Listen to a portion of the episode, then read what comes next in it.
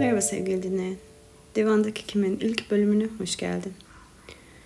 Burada divana bazı dizi film karakterlerini, bazı kavramları ve bazı sanat eserlerini yatıracağız. Hazırsan yerini al ve başlayalım. Bugün divanda yatan kişi hepimizin çok derinden etkilendiği birisi aslında. Hala ardından yaz tuttuğumuz ve içimizde ona karşı acıma duygusuyla karışık bir sevgi beslediğimiz birisinden bahsediyorum. Bugün divandaki kişi Bihter Ziyagil.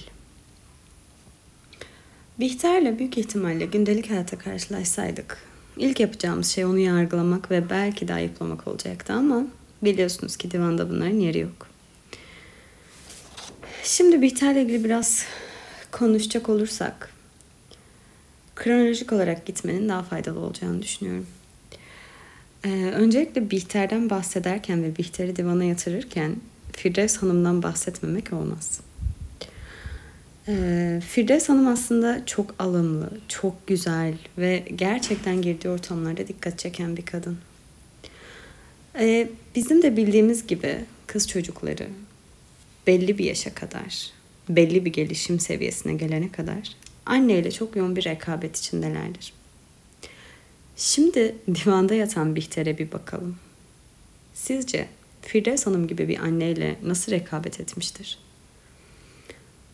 Aslında bence bu çok zor bir rekabet olmuş olmalı.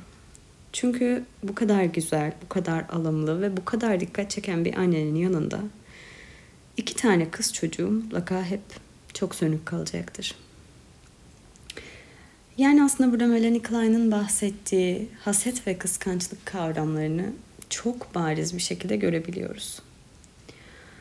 Firdevs Hanım o kadar genç, o kadar güzel ve o kadar bakımlı bir kadın ki aslında e, çocuklarıyla ilişkisinde anne rolünden çok e, üçüncü bir kız kardeş gibi aslında. Bu yüzden e, anneyle rekabet, anneyi anne rolünde tutma Bihter için mutlaka çok zor olmuş olmalı. Ee, Bihter'in Amerika'da okuması var sonrasında. Tabii bu dizi içerisinde öğrenebildiğimiz kadar kronolojik bir sıralama. Ee, Bihter'in Amerika'da okumasından da şöyle bahsedebiliriz belki. Ee, gerçekten uzaklaşmak isteyen e, bir noktada Bihter. Ee, çünkü aslında e, gerekli tamamlanma olmamış. Yani e, anneyle rekabete girip e, babayı arzulayıp anneyle rekabetinden mağlup olarak çıkıp daha sonra anneyle özdeşleşmeye yönelememiş bir çocuk. Evet mağlup olmuş Bihter.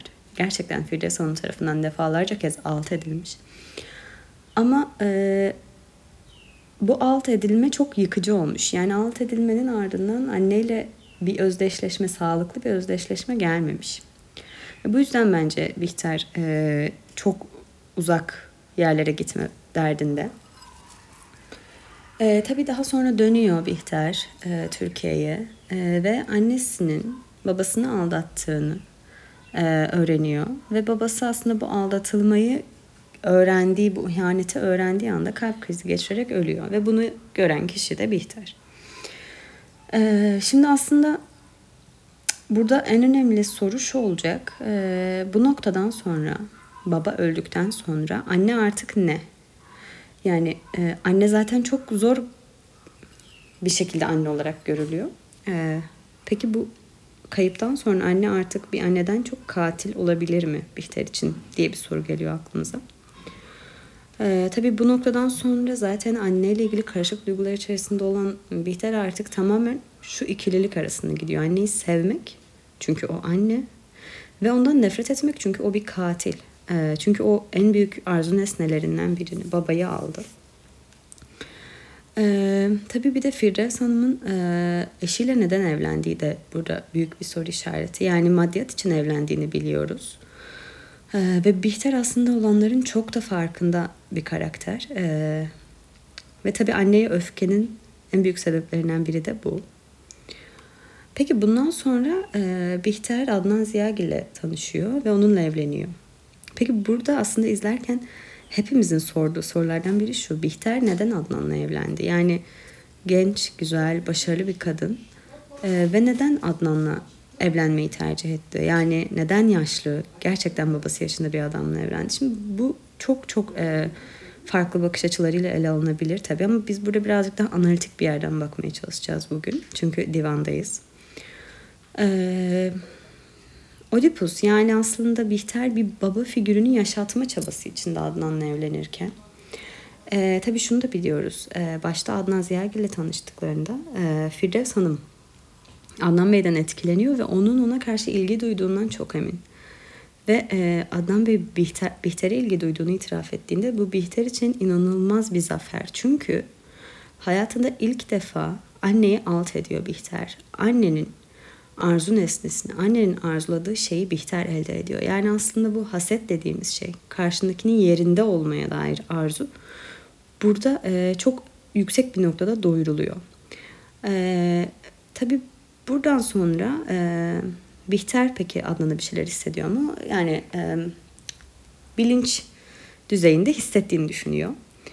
E, burada Adnan'ı seçmesinin sebeplerinden biri şu olabilir. E, birincisi anneye karşı büyük bir zafer.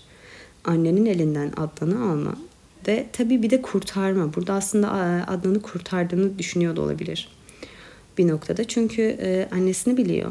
E, annesinin onu aldatacağından emin. Ve tabii burada aslında e, bir nevi Adnan'ı Firdevs Hanım'dan kurtarıyor. Yani Bihter aslında Adnan'la evlenerek Oedipus'u tekrar oluşturuyor. Üçgeni tamamlıyor. E, bu üçgenle annesi Bihter ve Adnan. Yani bu üçgen az asla eksik kalmamalı. Ee, burada Bihter Adnan'ı mükemmel bir eşten ziyade mükemmel bir baba olarak görüyor olabilir. Çünkü e, iki tane çocuğu var. E, Nihal ve Bülent ve gerçekten e, Adnan Bey çok iyi bir baba. E, ve Bihter için aslında bu bir aile. Yani yarım kalmış o ailenin e, mutlu bir çerçeve içerisindeki resmi gibi aslında. O yüzden Adnan'ı mükemmel bir eşten ziyade mükemmel bir baba olarak görüyor ve kendisinde eksik kalan o e, baba figürünü de bir noktada do- dolduruyor Adnan'la evlenerek.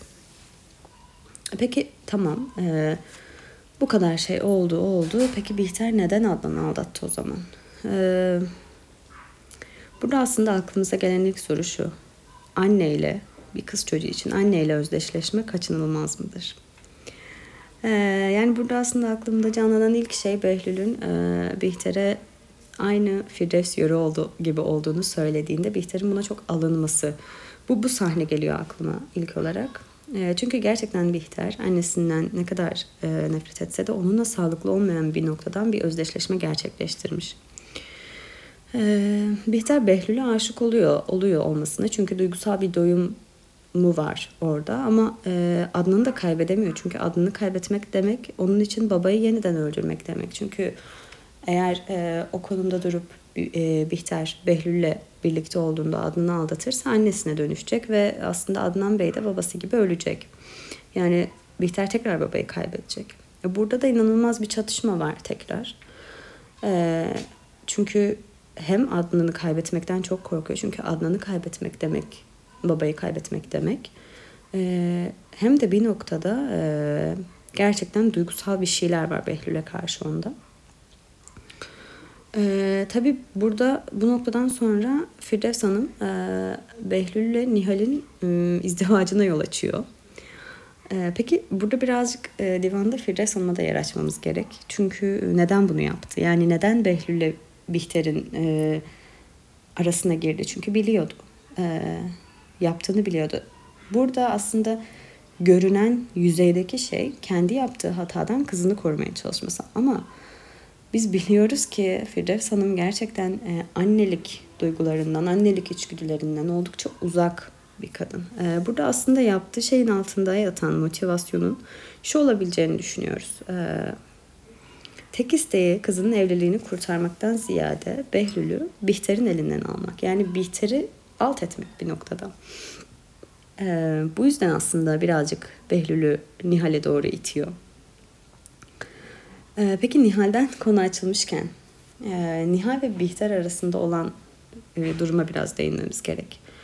Neden e, bu kadar e, bir elektrik var bu ikilinin arasında? Bu kadar bir gerginlik var?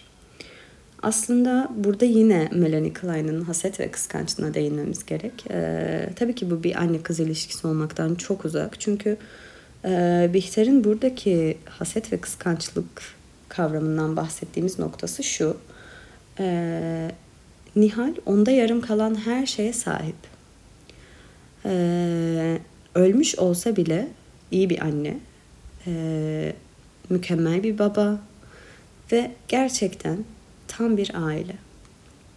Ee, bu noktada Behlül'ün de Nihal'le birlikte olması Bihter için gerçekten tamamen bir yenilgi ve tamamen bir e, artık bitiş noktası. Çünkü e, elindeki her şey artık Nihal'in e, ve artık Nihal tamamen e, tüm arzu nesnelerini elde etmiş ve zafer kazanmış bir karakter. E, bu yüzden aslında bu ikinin arasında çok e, büyük bir gerginlik var. Tabii ki kıskançlık e, tahmin edilebileceği üzere Behlül üzerinden bir kıskançlık var ama bunun ötesinde e, Bihter'in kıskandığı şey aslında, Bihter'in e, haset ettiği şey aslında Nihal'in o tamamlanmış bütün ailesi.